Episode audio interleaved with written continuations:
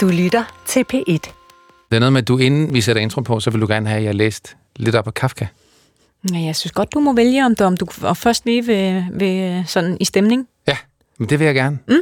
Så læser jeg den første linje af Processen, som er en 100 år gammel bog. Den starter sådan her. Nogen må have bagtalt Josef K. Ti, uden at han vidste at have gjort noget ondt, blev han en morgen arresteret.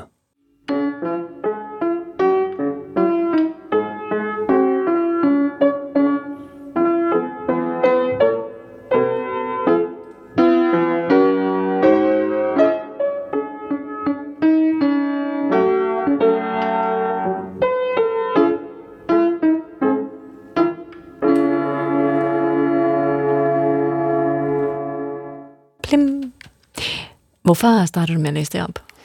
Det er, fordi jeg blev grebet af, at det, det skrev han for 100 år siden, men det er virkeligheden lige nu Mm. for rigtig mange russere. Ja. Altså følelsen af egentlig ikke at have gjort noget, man selv synes er ondt, og så alligevel at blive arresteret.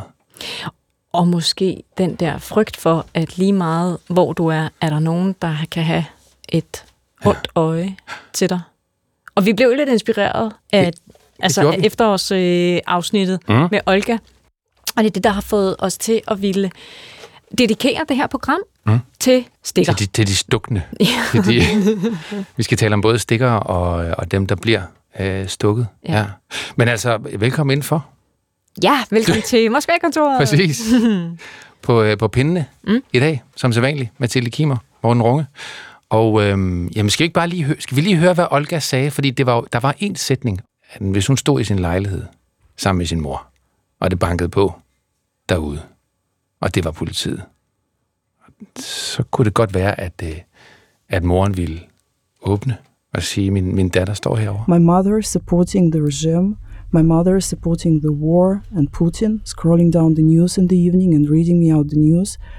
I was not sure that she won't open the door when someone would ring on the door. Det, tror jeg, det gav sådan lidt en følelse i os begge to, ikke? Tænk at have sådan et... Tænk ikke at kunne stole på sin mor. Ja, og det var sådan en, en, en meget, meget klar, øh, et klart eksempel på, hvor, øh, hvor splittet os mm. familien er. Altså hvis man er så politisk uenig, at man vil åbne døren for politiet, ja. Hvis de kommer efter, øh, efter ens datter. Fordi så ville de jo tage hende og sætte hende i fængsel. Det er det, der sker. Det er, det, det, det er nogle af de skæbner, vi skal møde. Det skete jo så ikke før. Det er ikke sket Nej. for Olga, men det er sket for rigtig mange andre Ja. mennesker, at nogen har åbnet døren Mm. og lukket nogle andre ind, Ja. som har ville dem ondt. ja, vi skal møde et par af dem. Mm. Og den første er en, øh, du har talt med.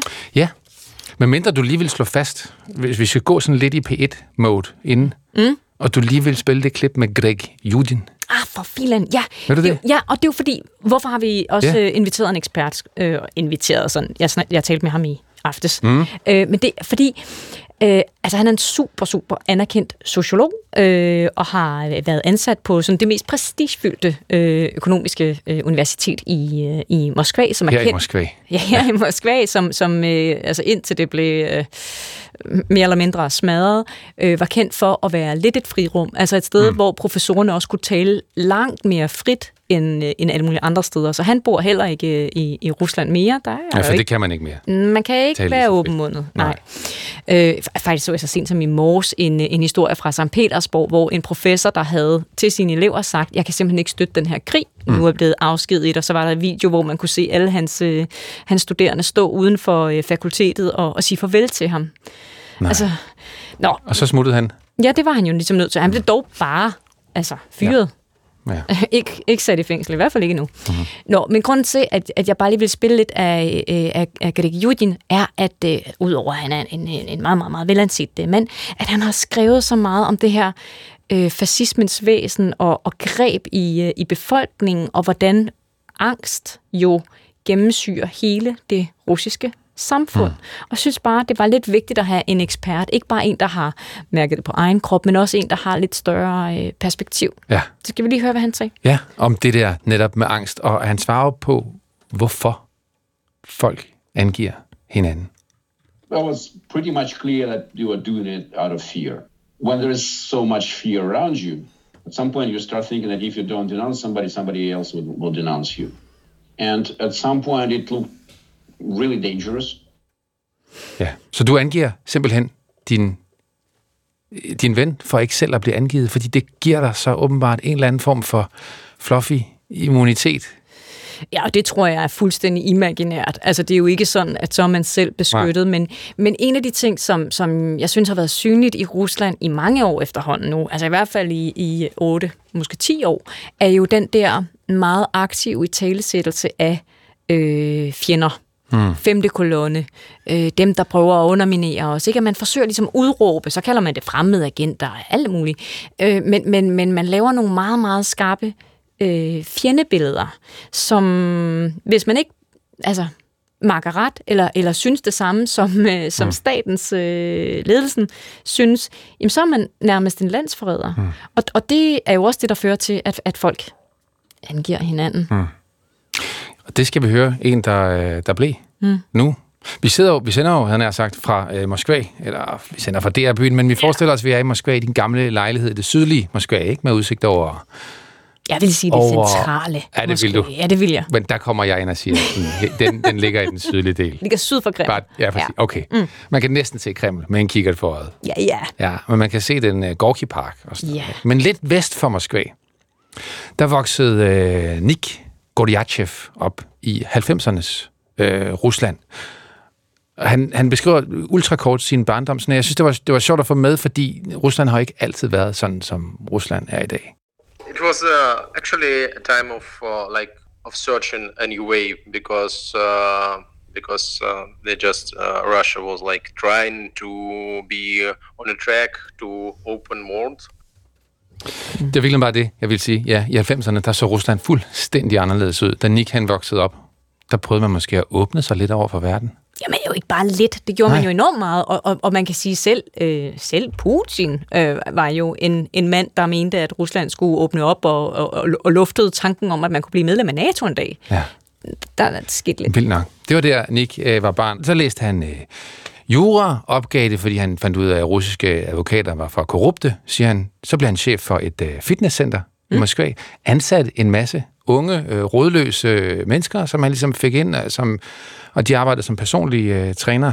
Men så her i foråret og sommer, når han forsøgte at tale om krigen med dem, altså Nick er modstander af krigen mm. i Ukraine, når han forsøgte at sige det til dem. It's hard to communicate with them about war. They, they're trying to believe that nothing actually happened. That this is like a small operation somewhere near borders, but they don't have uh, war. Ja, så det, det, er sådan, det er frokosterne på, på kontoret der. Ja. Fuldstændig ude, ude, altså to virkelighedsopfattelser ved siden af hinanden. Ja, og, og igen, vi har jo snakket om det før, men det her med, at formentlig den største del af, af russerne, altså flertallet, har i mange, mange, mange måneder forsøgt at, at skubbe det hen til... Det er sådan et... et, mm. et uh, It's just a small operation somewhere. Ja, det har ikke rigtig noget med os at gøre. Det, ja. det rager os ikke rigtig. Vi har ikke besluttet det, vi kan ikke gøre noget ved det. Så, så det behøver man ikke rigtig at, at lade sin hverdag spolere i. Nej. Men så blev deres hverdag spoleret lidt af Nick. Han var sådan en... Han var der chef, og han gik til demonstrationer, og han skrev ting på Facebook og sådan noget. Og så, så blev det på en eller anden måde for meget for hans kolleger. From the beginning, I, I tried uh, to support uh, Ukraine, like um, some donations and um, some some of my uh, colleagues wrote to me that I'm um, uh, like uh, traitor, traitor of my country. That's I don't need to do this anymore, and that they will write uh, to policemen to take me away. Ja. Wow, some of my det, friends. Præcis, ja, det, og det var det jo. Mm. Det var det. Han omtaler dem stadigvæk som friends, fordi det tror jeg de var dengang. Og så har han sin lille øh, djævelske latter der, ikke? Ja. Fordi så skulle jeg bare stoppe med det. Ja. Gjorde han så det? Nej, det gjorde han ikke, fordi han er, øh, han er jo øh, fysisk øh, veltrænet og tror på sig selv og har en vild selvtillid, som jeg ikke kan finde ud af, hvor, hvor kom fra. Men han, han, øh, han er ikke bange for øh, politiet, mest fordi, at han, øh, han siger, man kan bare, man kan bare løbe fra dem. I never went to jail because uh, I think uh, I'm lucky and uh, sometimes just I ran away from policemen and it's uh, no no actually it's not very hard to run away because because they're not so like quick the movements. Det er da alligevel meget ret selvværd at have, når man går til russiske demonstrationer, ikke? At man altid bare kan løbe væk fra politiet. Ja, altså jeg tænker, hvis, hvis det er det her kampbetjente, der både har øh, skjold og hjelme og store mm. veste og sådan noget på, så måske, men jeg tænker, at det er jo ikke, er nok beskyttet fra, at de kommer og banker på Det er døren. rigtigt. Det er rigtigt. Men historien om Nick slutter med jo, at ja, okay, så er han blevet stukket, og, og det er ikke så fedt at være der mere, synes han. Øhm, Så, så han der, der er nogen, der har stukket ham nu. Ja, Ja. ja, det er der. Ja. Men, han, men de når aldrig frem til ham, politiet. Mm. Men de siger, nu, nu, nu melder vi dig til politiet. Så hører man, man kan selvfølgelig ikke følge sin sagsgang. Ja, man- man får ikke Øh, politiet. Man får ikke øh, aktindsigt i det, nej. nej. Så han smuttede faktisk øh, til øh, Georgien, til Tbilisi, et par uger før, at vi så alle de her billeder af gigantiske køer ved, øh, ved grænserne. Ikke? Så der er han nu, underviser mm. i online, i øh, fitness, Online med, sin, fitness. med, sin, øh, med sine kunder. Ja, Uh, mostly my clients they left uh, Russia also.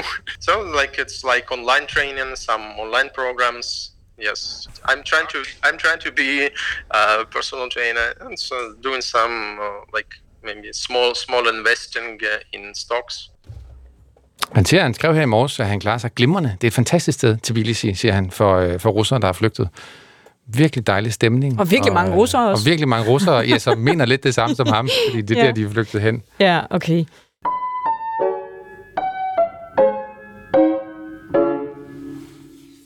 Men det er jo ikke, så, det er jo ikke alle, der er lige så rapfodet som, øh, som Nick. Nej, eller unge. Eller unge, ja. Ja, fordi vi skal, vi skal jo, øh, som vi plejer, Mm. på tur. Ja, Så øh, har Og du øh, fået jeg har en billetter? billet her. Ja, til, Ja. Øh, denne gang skal vi på den station, der hedder Moskva Kazanskaya. Mm-hmm. Mm. Der går tog. Jeg, jeg, så lagde jeg mærke til, at man kan for 600 dollars kan man købe en øh, luksuskopé. Har du prøvet at rejse sådan en? Nej. Det er til gengæld 600 Har du dollars. booket sådan en til os? Ja. det er jo nemt, jeg kan booke hvad som helst. Yeah. ikke er, jeg er ikke trykker fantasien. confirm til sidst. Men det kan man, det, det koster, så, så har man en privat kopé i toget. Ja, men det må, altså, Altså for så mange penge må celle. det... Ja, og, og lidt bad og Bad også, toilet og sådan noget. Fuldstændig, ja. Ej, du er altså Der var to ledige til afgang i aften. Er du simpelthen bestilt to luksuskopéer Nej, nej, der var to ledige, og så har jeg købt den ene af dem. Ah, okay. Bare for sådan at illustrere efterspørgselen. Nå, men det tager 11 timer at køre til Kazan, som vi skal, som egentlig er vores final destination i det her program. Ja, Mm. men Men, vi stopper inden. ja, Og det er jo fordi, vi skal høre fra en anden. En, der er en, øh, en generation ældre end, øh, end Nick, Mhm. men som jo også har, øh, har oplevet det her med at blive stukket. Men spørgsmålet er, Ja. hvis vi nu dribler ned til, øh, til Kasanski, Ja. Vaksau, mm-hmm. øhm, altså tager ba- banegården, vi tager metroen. vi tager metroen Der derover, går vi. Nej. og så toget til Kazan. Og så skal vi jo, øh, nu lovede jeg dig faktisk, jeg har måske lovet dig det i alle programmerne, men denne her gang har jeg gjort alvor af det. Det er rigtigt. Vi skal have lidt at spise på turen. Det har jeg glædet mig til det her, for du har puslet lidt øh, udenom studiet. Jamen, jeg har jo været nødt til at bede Emma om at hjælpe mig lidt, fordi altså, hvis nu jeg havde haft mit eget køkken øh, hjemme på kontoret, så Ja. ja. havde jeg jo bare kunne bede dig om ikke at komme derud, og så kunne jeg have gjort tingene klar. Det er Men rigtigt. mm, nu sidder vi jo i det her. Så nu sidder vi i den her luksuskopé. Ja, og så har jeg jo min Og- lille øh, madkurv med, ikke? Ja. Så kommer der først en kop te. Først skal du have te. Ja. Fordi man selvfølgelig får man te i toget, og jeg har ikke en af de samovar. der... Ja, jeg har ikke den her øh, meget flotte... What, der er meget. Ja, ja, vi, nu skal vi have det lidt godt, ikke? Nej. Men du skal jo lige starte med at kigge på koppen her, Ja, ikke? Den ja, har jeg taget ja. med hjemmefra, fordi... Hvad- Det er en kvinde, der øh, holder pegefingeren op for munden, som sådan sådan en Ja. bevægelse. Ja. Og så står der, Der står Nja Baltaj. okay, ja, Ikke? Og det er, altså, og i meget, meget fri oversættelse, så er det 10 stille. Nå. Det, det er det ikke, men det, hold op med at sladre. Du skal ikke småsnakke hele tiden. ah, Og så herom, så står der ligesom sådan et slogan tilbage fra sovjettiden, at øh, være opmærksom, at øh, væggene har ører, ja, og øh, der, kan, der er ikke langt fra småsladder til landsforræderi. Nej. Den skal du drikke af. wow. Ej, prøv lige at sige det på russisk, øh, sloganet der. Путь на Чеку в такие день подслушивают сцены недалеко от Аблтовны, не сплетны до измены. Ismiani, Измены. som er, Øh, ja, altså, f- f- mm, mm, forandringer, men forræderi, kan man sige, ikke? Mm. øj, den er god. Ja, men kan Er vi den ikke putte det, skal vi putte det på, på listen? Altså, Forræderi? øh, men det synes du, det, Ja, det men- betyder helt? ja, men det er fordi, hvis, det er sådan lidt n- n- højtidligt sprog, det der. Altså, øh, predajtil er en forræder. Mm. Predajtilstvo. Det tager det er ikke det ord. Nej, men det skal vi også have. Ja. Det er jo det, de synes, Nick Ja, og Sergej, som vi skal møde og, lige om lidt. Og alle, der jo ikke Ja. støtter, ikke? Jo. Ja. Nå, så skal vi jo lige mm. have lidt, øh, lidt mad. Åh, oh, syltet agurk, pik- pickles, kæmpe pickles. Ja. Du kan jo starte med en... Der står tre tallerkener foran mig øh, på bordet her. Ja. Det ligner øh, sådan en mellemting mellem en, en forårsrulle og så sådan lidt sushi, øh, der er vendt i... Ja, og det er ingen af delene. Nej. Det er en galopse. Ja, skal jeg bare? Ja, prøv. Ja, det er et flot snit, den her. det er det. Riser og kød. En galopse er jo mm. sådan en øh, kødfyld, men nu er der så lidt ris i dem her, ikke? Pakket ind i, øh, i kål. Og Ja. dampet. Ris og kød og kål. Mm. Det kan få, det er benzin hele vejen til Kazan. Det er alt det Det er gode, det ikke? Mm. Ej. Mm. Og så kigger vi ud af vinduet, og så er der, der er begyndt at komme birketræer en masse. Ikke? Jeg ved, at du vil. Wow, ej, det smager godt. Og så er der Så tager man lige en, øh, en, en en syltet agurk. Den tager man bare lige i hånden. Den tager man bare og knækker. Mm. Og så tager man bare lige. Mm. Øj, hvor er det gode. Mm, det er det faktisk. Mm. Det er den der sådan lidt syrlige smag efter det, det lidt fede øh, grisekød mm-hmm. der, som lige renser munden. Så er der den tredje tallerken. Det er en tredje tallerken. Det er vareniki, Det som sådan er sådan noget fyldte pastaer. Nej, ravioli.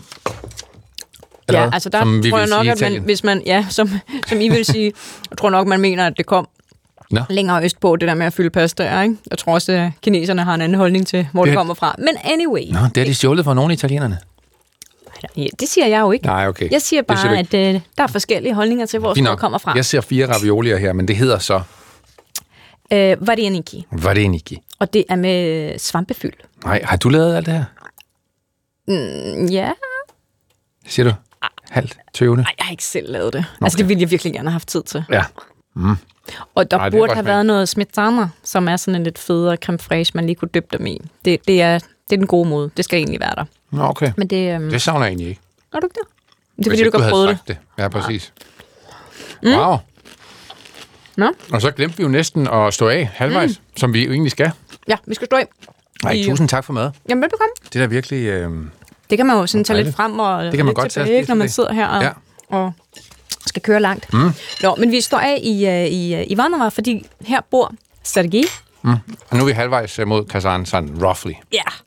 Nogle, ti- nogle øst, timer ikke? østpå. Ja. Jeg tror faktisk, vi stopper sådan lige nærheden af der, hvor Navalny sidder i fængsel. Han bor, mm. eller bor, ja, det kan man sige. Han sidder i Ja. fængsel der på den, Ja. på den østlige side af øh, Vladimir. Det er rigtigt. Mere om ham i uh, program 4, i øvrigt, hvis man lige bliver nysgerrig Ja, ja, ja. på Navalny. Nå, vi kører op til, øh, til Sergej, som er en mand i øh, 50'erne, mm. som øh, også er imod krigen, og i det hele taget sådan bekymret for udviklingen i, øh, i sit land. Og det øh, synes han ikke kun var nok at, at tale til naboerne eller, eller konen om, så han, øh, han skrev lidt på Telegram, det her sociale medie, og han, Ja. ja. han åbnede også en lille øh, YouTube-kanal, hvor han har mm. ja, 90, tror jeg. 92. 92, mm. der var den. 92 følgere.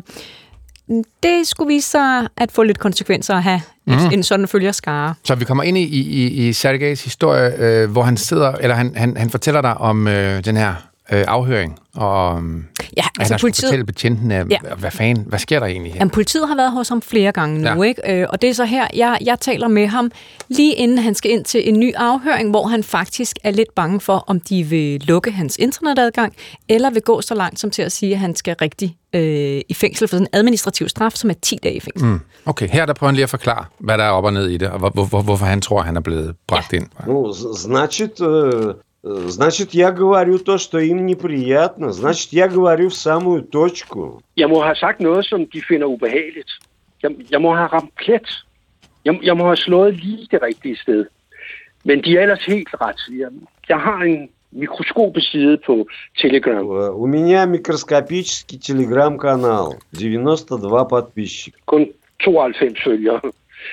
Og så har jeg også en mikroskopisk øh, YouTube-kanal. øh, 235 følgere. У меня микроскопический YouTube-канал. Men til min forrige afhøring, der præsenterede de et dokument for mig. Jeg tager min mobil frem for at tage et billede af det, og efterforskeren siger så, at det må jeg ikke. Jeg siger, hvorfor ikke det? Fordi du vil lægge det op på din side i Telegram. А потому что вы его тут же в телеграм-канал выложите. То есть, Og ja, så derfor så udleder jeg det. Blandt mine 92 følgere må der altså være nogen fra politiet. Ja. Fantastisk resonemang der.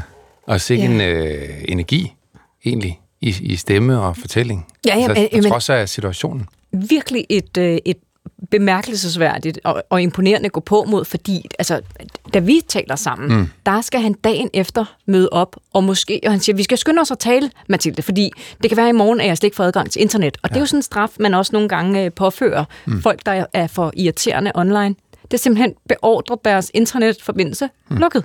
Så han tænker, Sergej tænker, at der må være nogen blandt mine følgere, der er fra politiet, fordi det, jeg har lagt op. Men tænker, ved vi så, hvad det er, han har, egentlig har lagt op på Telegram? Som ved han det? Øh, nej, jeg tror ikke, han ved specifikt, hvad det er. Øh, men, men jeg tænker, at det er hans, hans generelle holdning til, mm. hvordan landet ligesom bliver, ja, øh, bliver det er styret. rigtigt. Men så kommer han jo øh, så kommer han i fængsel.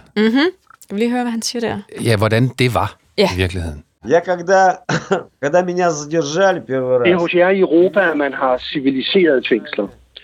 Da jeg blev anholdt for første gang, så skulle jeg tilbringe tre døgn i et glas. Jeg, jeg ved ikke, om, om I danskere ved, hvad et glas er. Det er sådan et rum, cirka halvanden gange halvanden meter. Der er en meget smal bænk og en gitterdør. Der er ingen varme. Det var i marts måned. og Det var en kold måned i Rusland. март месяц в России это еще достаточно холодно.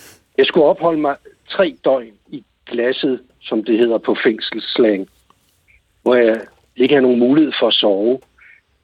Jeg ved ikke, hvad de prøvede at få ud af mig.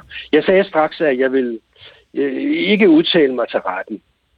Og da jeg så blev ført til retten, så fik jeg forhøjet blodtryk og blev sendt til hospitalet. Så altså, øh, hvad kan man sige? Her i Rusland står helvede og venter på dig bag hver en dør. Здесь в России ад может начаться за любой двери. Bag hver en dør. Прям за любой.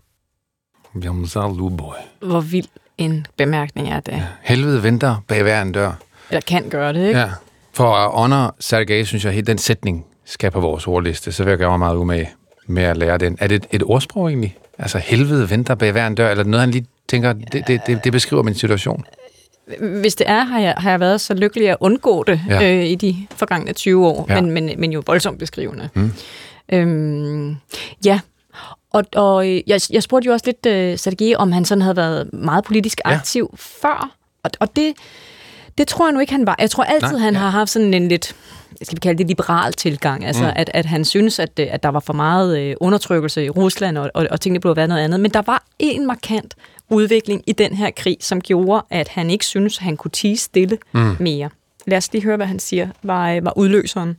Jeg kan huske, at da krigen lige startede, så så jeg et billede på internettet af en ukrainsk kvinde. Det var, det var en meget ung kvinde, som med et såret hoved stod og gav brystmælk til sit barn. которая, будучи ранена в голову, грудью кормила своего Jeg vil ребенка. ikke sidde her og snakke om mine følelser. На меня, ну я не буду комментировать, я не буду говорить Jeg må bare sige, for mig, der gik det op for mig der. Altså, det gjorde en kæmpe indtryk på mig. про свои эмоции, я просто скажу, что на меня это произвело очень сильное впечатление.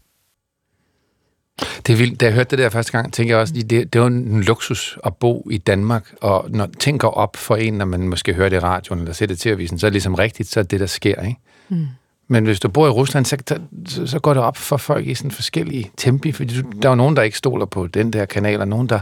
Og så for Sergej, så, så nu tror han på, nu tror han på redslen, da han så Ja, jo, men sådan nogle billeder af en, øh, en såret armende kvinde vil jo ikke blive vist i, øh, Nej. i Rusland. Altså, jeg kan stadig huske, da, da Mariupol, altså den store by, Mm. blev sønderbumpet, og, og de ramte en, øh, et hospital med, med kvinder, der skulle til at gå i fødsel. Ja. Der mente de jo, at hun var en skuespiller, den ene af de kvinder, ja. der, der kom ud. Ikke? Helt, helt højgravid. Mm. Øhm, så, så man kan sige... Mm, Ja, nu, nu så han så et billede, og det, og det er jo tydeligt, selvom han siger, at han ikke vil tale om følelser, mm. så tror jeg godt, man kan mærke, hvad Jamen, det er, der er gået igennem det, ham. Det, det, det. Så siger billedet der også mere end tusind ord om følelser. Ja. ja altså, hvad, hvor, jamen, det, det der, hvornår bliver man ramt af den virkelighed, man pludselig befinder sig i? Og så beslutter han sig for at, skrive lidt om det. Og Ja, så og give los, På ikke? telegram og give los, Ja. præcis. Og så betaler han prisen. Ja, og der kan man sige, mm, nu er det i hvert fald ikke lykkedes at, øh, at lukke munden på ham øh, endnu. Jeg Nej. tænker, at øh, forskellige mennesker har forskellige grænser for, hvad de kan holde til, eller hvad de vil, vil risikere. øh, Sergej har stadig net. Han øh, mm. sendte et billede af her den anden dag, af, at han havde besøg af nogle øh, lokalpolitikere, øh, eller nej, ikke nogen, nogle politikere fra Moskva, med sådan meget, og, og en øh, menneskerettighedsaktivist, Nå. fordi han prøvede ligesom at gøre opmærksom på, hvis de øh, spærrer mig ind nu, så er det altså fordi det og det og det. Ikke? Så han, mm. han prøver at lave det forsvar, der hedder offentlighed, Ja. øh, eller gennemsigtighed, glasnost. Øhm, Ja, apropos 90'erne. Mm. Ikke? Et begreb. Ja, Ja, altså Rusland simpelthen prøvede at være åben. Ja. prøver at rette en, en, øh, en lyskejle mod sig selv, vel sagtens mm. også derfor, han øh, gerne vil tale med mig. Ja. Og håber på, at det giver, at det yder en eller anden form for beskyttelse. ja. Nu har vi i hvert fald mødt Sergej fra Ivanova. Og han er stadig fri. Ja.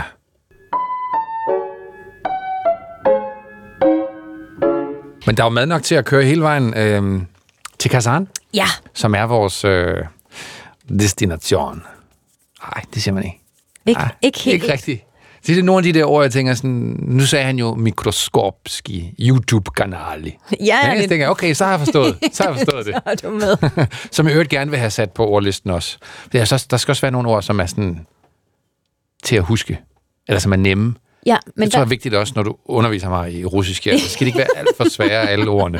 nej, men det, det er i Så der skal være noget at gribe i. Ja, Ikke? og nu skal vi til Kazan, Ja. hvor vi skal... Øh, ja, skal vi lige snakke lidt om, hvad Kazan er for en by? Ja, og hvorfor du? Det er dig, der har valgt, at vi Ja. skulle øh, der til en af de smukkeste byer i Rusland, står der, når man googler Kazan. Ja, men det er også bare øh, så, så sandt. Altså, den, den har sådan lidt et eventyr-feel over sig, mm. Øhm, og er i øvrigt også berømt i, øh, i Rusland. Jeg, jeg tror faktisk, at øh, hvis ikke det er den mest øh, populære øh, turistdestination for russere, så, så er det i hvert fald på top 3. Mm-hmm. Altså, så den har sådan noget romantik, eventyr øh, over sig. Den er meget, meget fin og ret ren. Mm. Øh, og så har den det her øh, ry af at være et sted, hvor forskellige etniske grupper lever i harmoni med hinanden. Mm. Og det er meget sådan mm, i øjnefaldene, når man kommer på den. I midten af byen, der er en kæmpe, stor og helt ekstremt smuk moské, mm. og ved siden af står der en ortodox kirke. Ja, som symbol på. To religioner, Ja, der kan det hele. Og ellers er den meget, når jeg har set billeder af den, den er meget hvid. ja. Og ren, som du siger, ja, den, den hvide øh, ringmur rundt om, om, om en af regeringsbygningerne, og smuk flod, der løber ja igennem. det hedder jo en kreml. En altså, Kreml, ja. Ja, ja præcis. sådan Det tror vi jo, det troede jeg jo var Kreml. Ja, den eneste Moskva, ene. Hvor Putin måske Ja. ja. er. Men en mm. Kreml er... Det er sådan den, den lokale mm, mm. magtcentrum ikke? Ja. I, øh, i en by. Som der så er en lille hvid, øh, fin mur rundt om her. Ja, så det er jeg. faktisk grøn. Sådan husker jeg den. Altså, det kommer an på, hvornår det billede er taget, jeg så. Nå. Men, men øh, jamen, var den ikke hvid? Ja, den er ikke... Må vi se. Ah. Vi må slå det op bagefter, ikke? Så du, Men der er jo rigtig mange blå tage ja, på kirkerne og moskéerne. og løgspir ja. og sådan noget. Ja. Så det er de farver, man skal forestille sig, når man går rundt. Ud under den blå himmel er der altså hvide mure og blå spir.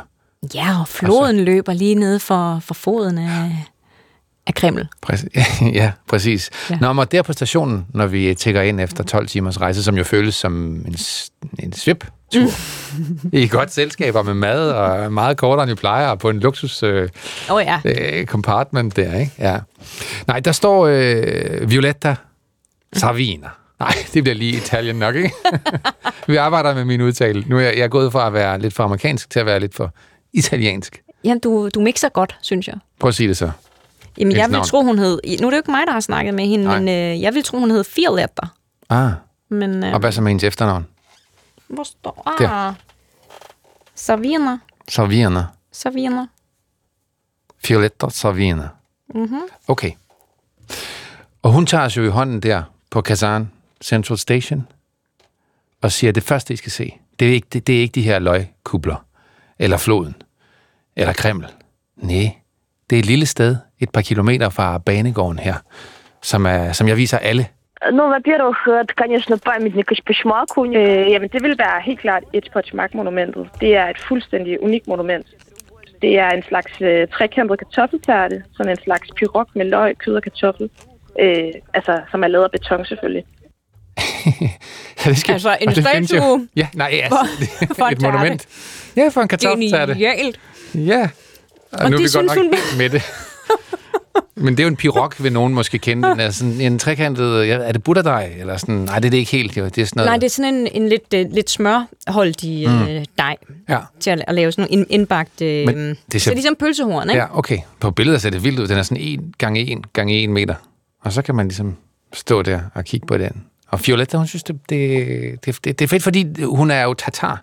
Ja. Det er det, du, vi, vi skulle frem til i virkeligheden Ja. Kazan. Udover den er meget smuk, så vil du også godt til den, fordi ja, den blander de her religioner. Og, og, og et af folkeslagene, en af etniciteterne, Ja. er tatarerne. ja. Og de er så åbenbart vældig pjattet med, med pirokker. De særlige betonpirokker. Præcis. Som ligger virkelig godt i maven. Ja. Vi kan, bare lige høre, vi kan lige høre Violetta sige lidt om, hvordan det er at være en, øh, en tatar. Ja, måske skal jeg lige sige så, mens du finder klippet, ja. at Øh, altså, tatarerne er jo en, øh, en etnisk gruppe, øh, muslimsk, men, men sådan en, en, en lidt afslappet øh, muslimsk nationalitet, øh, og sådan meget, meget stolte traditioner, og meget sådan særpræget, øh, eller ejendomlige mm, folkedragter, og, og man har gjort enormt meget ud af også, at børnene skulle lære det, det, det lokale øh, tatarsprog. Mm, så, så man, man er meget, meget sådan stolte af sin, sin oprindelse. Nu har jeg fundet det frem, og hun svarer på spørgsmålet om, hvad, hvad vil det egentlig sige at være en tatar? А, Быть татаркой, это значит э, det vil sige at øh, vise sin kulturs rigdom frem til masserne, at være ydmyg og at være gæstfri og åbenhjertig. Og в большинстве своем, конечно, татары это мусульмане, og de fleste af os, vi er muslimer, og det går langt tilbage til oldtiden. Men Katsana er en by for rigtig mange forskellige religioner, og her bor der alle mulige religioner øh, fredeligt side om side med hinanden. Og vi fejrer faktisk også hinandens religiøse højtider. Alle kulturer her er, er meget sammenflettet.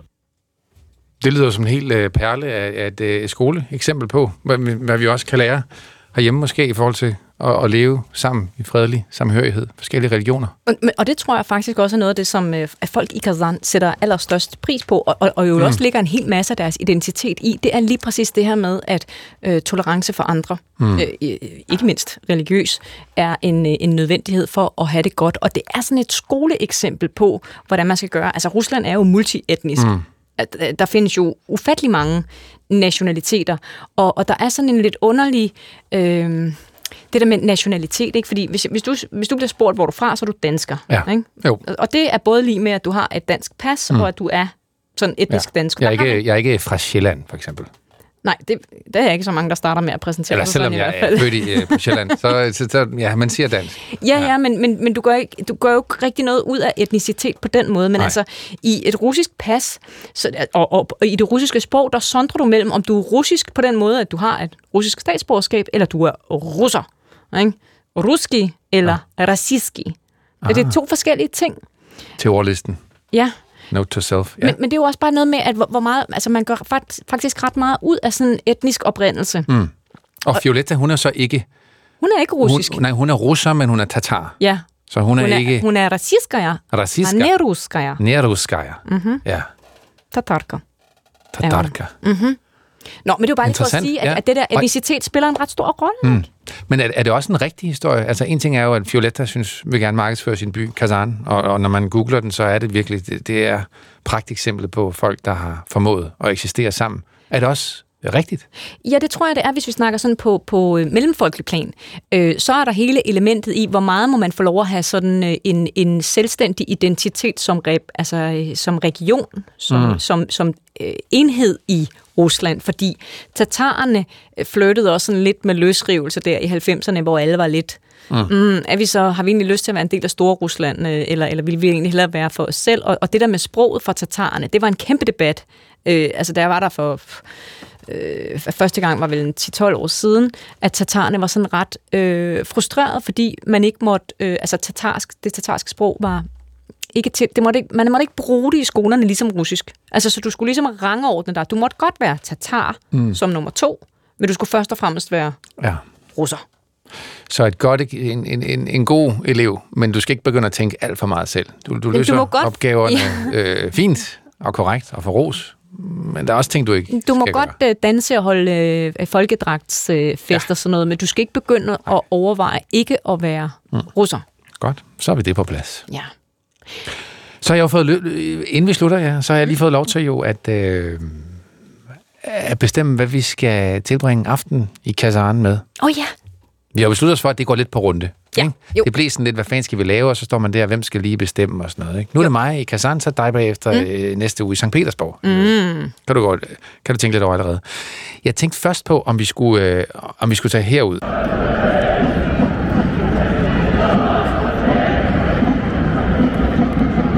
Ved du, hvor det er?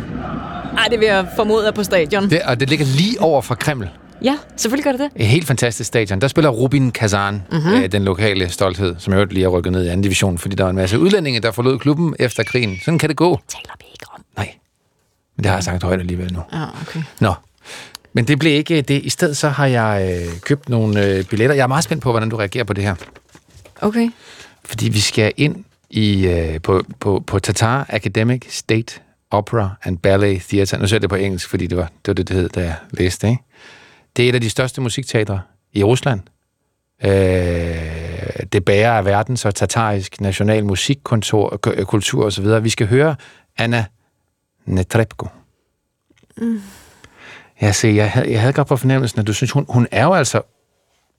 Hun er Erklæret. en sublim sopran. Ja, men Er hun. Men hun er også en af de kunstnere, som... Altså, udover hun har ry for at være... en primadonna. Ja, det tror jeg er den pæneste version. Ja. Altså en krav, Ja. simpelthen. Og Ja. det har hun både i udlandet og i Rusland. Mm. Altså en, en, en kvinde, der stiller så mange krav, Ja. at det er helt umuligt. Men hun har trods alt taget her øh, i løbet af 22, har hun taget afstand fra krigen. Meget... Fluffy. Ah, det tror jeg er sådan en, Nå. en blød kurve. Jeg så lige, hun var blevet inviteret tilbage nu til et, et operateater i Baden-Baden i Tyskland. Nå, var hun det? Fordi direktøren sagde, nu har Netrebko jo taget afstand fra Putin, eller har ikke direkte øh, erklæret sin støtte. Nej. Det kan godt være, det er der, ude i nuancerne. Nå, men Hun prøv plejer at være meget lojal. Vi skal høre, hun, hun synger øh, faktisk på Kazanska øh, her i efteråret, øh, på, på, øh, på, øh, i operan. Skal vi høre lidt? Sarens, ja, brud, hedder operan af Rimsky-Korsakov. Den er over 100 år gammel, har været opført øh, ekstremt mange gange, har jeg læst mig til, i, i Rusland. Og vi kommer ind i øh, stykket, det er sådan et femkantsdrama, faktisk også med folk, der stikker hinanden og forræder og så videre, og med elixir og te, du kan drikke, der får øh, nogen til at forelske sig i hinanden og omvendt og sådan noget. Kæmpe drama. Mm. Jeg ved ikke, hvad hun synger øh, i nu, men jeg har valgt det her øh, sted, fordi jeg synes, det var det, der var øh, meget smukkest.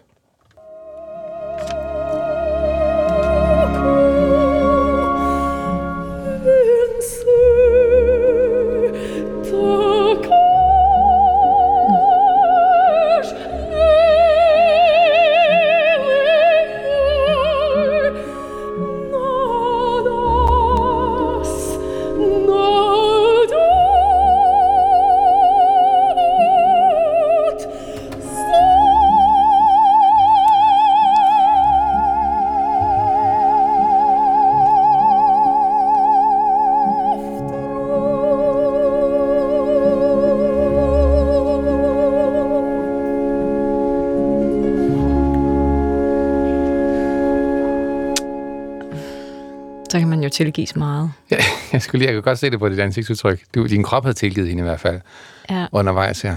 Der var en gang, hvor hun gav koncert i Salzburg, hvor jeg var på ferie med, med min familie, og hvor jeg var sådan, ej, kan vi ikke godt tage ind og se hende? Og folk var bare, ja. altså mine børn, synes ikke, vi skal opera. Nej, mor, må du stoppe? Så det gjorde du ikke? så, så jeg kom ikke ind og høre Nå, hende. men du hørte hende i aften her Nå. Tak for det. på uh, State Opera Ja. i uh, Kazan.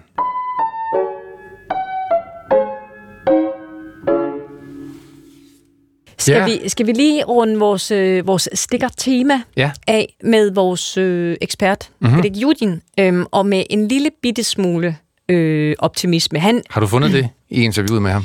ja, det, jeg, jeg leder måske også meget sådan, du ved, med en relativt stor projekter efter, øh, efter lyspunkter. Men det er fint nok. Det skal man gøre. Ja, og, og, og, øh, og, og altså en af de ting, jeg gerne ville høre, han er jo selv en af de der eksilrussere, ikke? En af dem, der har forladt Rusland for at kunne altså, trække vejret Ja. frit. Øhm, og han, altså, han har også lidt, lidt optimisme til, hvordan fremtiden skal se ud. I mean, I'm generally optimistic, probably not like in, in a very close fish, but I'm generally optimistic because look, uh, Russia has, in terms of political culture, a lot of commonalities with Belarus. And Belarusians, I mean, the, who, who were forced out of the country, they're very good at organizing. I don't think Russians are that that worse uh, than, than Belarusians. So there is a lot of potential. Så fordi hviderusserne kunne finde ud af at organisere sig Ja, altså uden først, for landet, da de først flygtede. at, at skabe den her mm. øh, store protestbevægelse og, og sådan forsøge at skabe revolution, og så mm. alle de mange tusinder af, af belarusere, der har forladt, de har et sindssygt stærkt netværk nu og sammenhold. Ja. Og så siger han, og, og vi vil ikke så meget være end, øh, end belaruserne, så det, så det kan vi vel også øh, få stablet på benene. Ja, det kan man jo håbe. Ja, fordi solidaritet er vel sådan det modsatte af stikkerkultur. Mm. Og det, Det- det tror jeg godt, russerne kunne bruge en stor indsprøjtning af det. Og solidaritet på russisk hedder også... Solidarnost. Yes. Solidarnost. Mm-hmm. Ligesom glasnost. Yes. Det putter vi på listen også, ikke? Check. Og nu forsøgte du lige at ende på en uh, positiv uh, note, ikke? Ved du, hvordan processen ender? Den bog, vi startede med at læse højt fra. Nej, det gør jeg faktisk ikke. Nej, han dør. Ej, hvor er du deprimerende. Ved du, så siger jeg noget, der er godt, fordi nu skal vi slutte på en high. Okay. Næste uge ja. gør vi alt, hvad vi kan. Emma Klitnes gør i hvert fald alt, hvad hun kan, for at få nogle russiske komikere med Ja. i vores program, fordi vi skal, altså, for det første er der masser af humor derovre, og mm. vi vil også virkelig gerne vide, hvad fanden man griner af lige i øjeblikket Ja. i Rusland. Så det kunne vi jo sige, altså hvis, hvis uh, man sidder derude og har en uh, favorite russisk stand-up artist, så skriv til os, og skriv også til os med alt muligt andet. Mm. Uh, Moskva-kontoret, snabelag, dr.dk. I studiet, Mathilde Kimmer, Og Morten Runge, og vi fik hjælp øh, denne gang øh, i redaktionen, som altid, Emma Klitnes og Øjsen Shapiro. Og de danske stemmer var øh, Bo Simonsen og Lærke Balsen. vi høres ved næste uge. Det gør vi.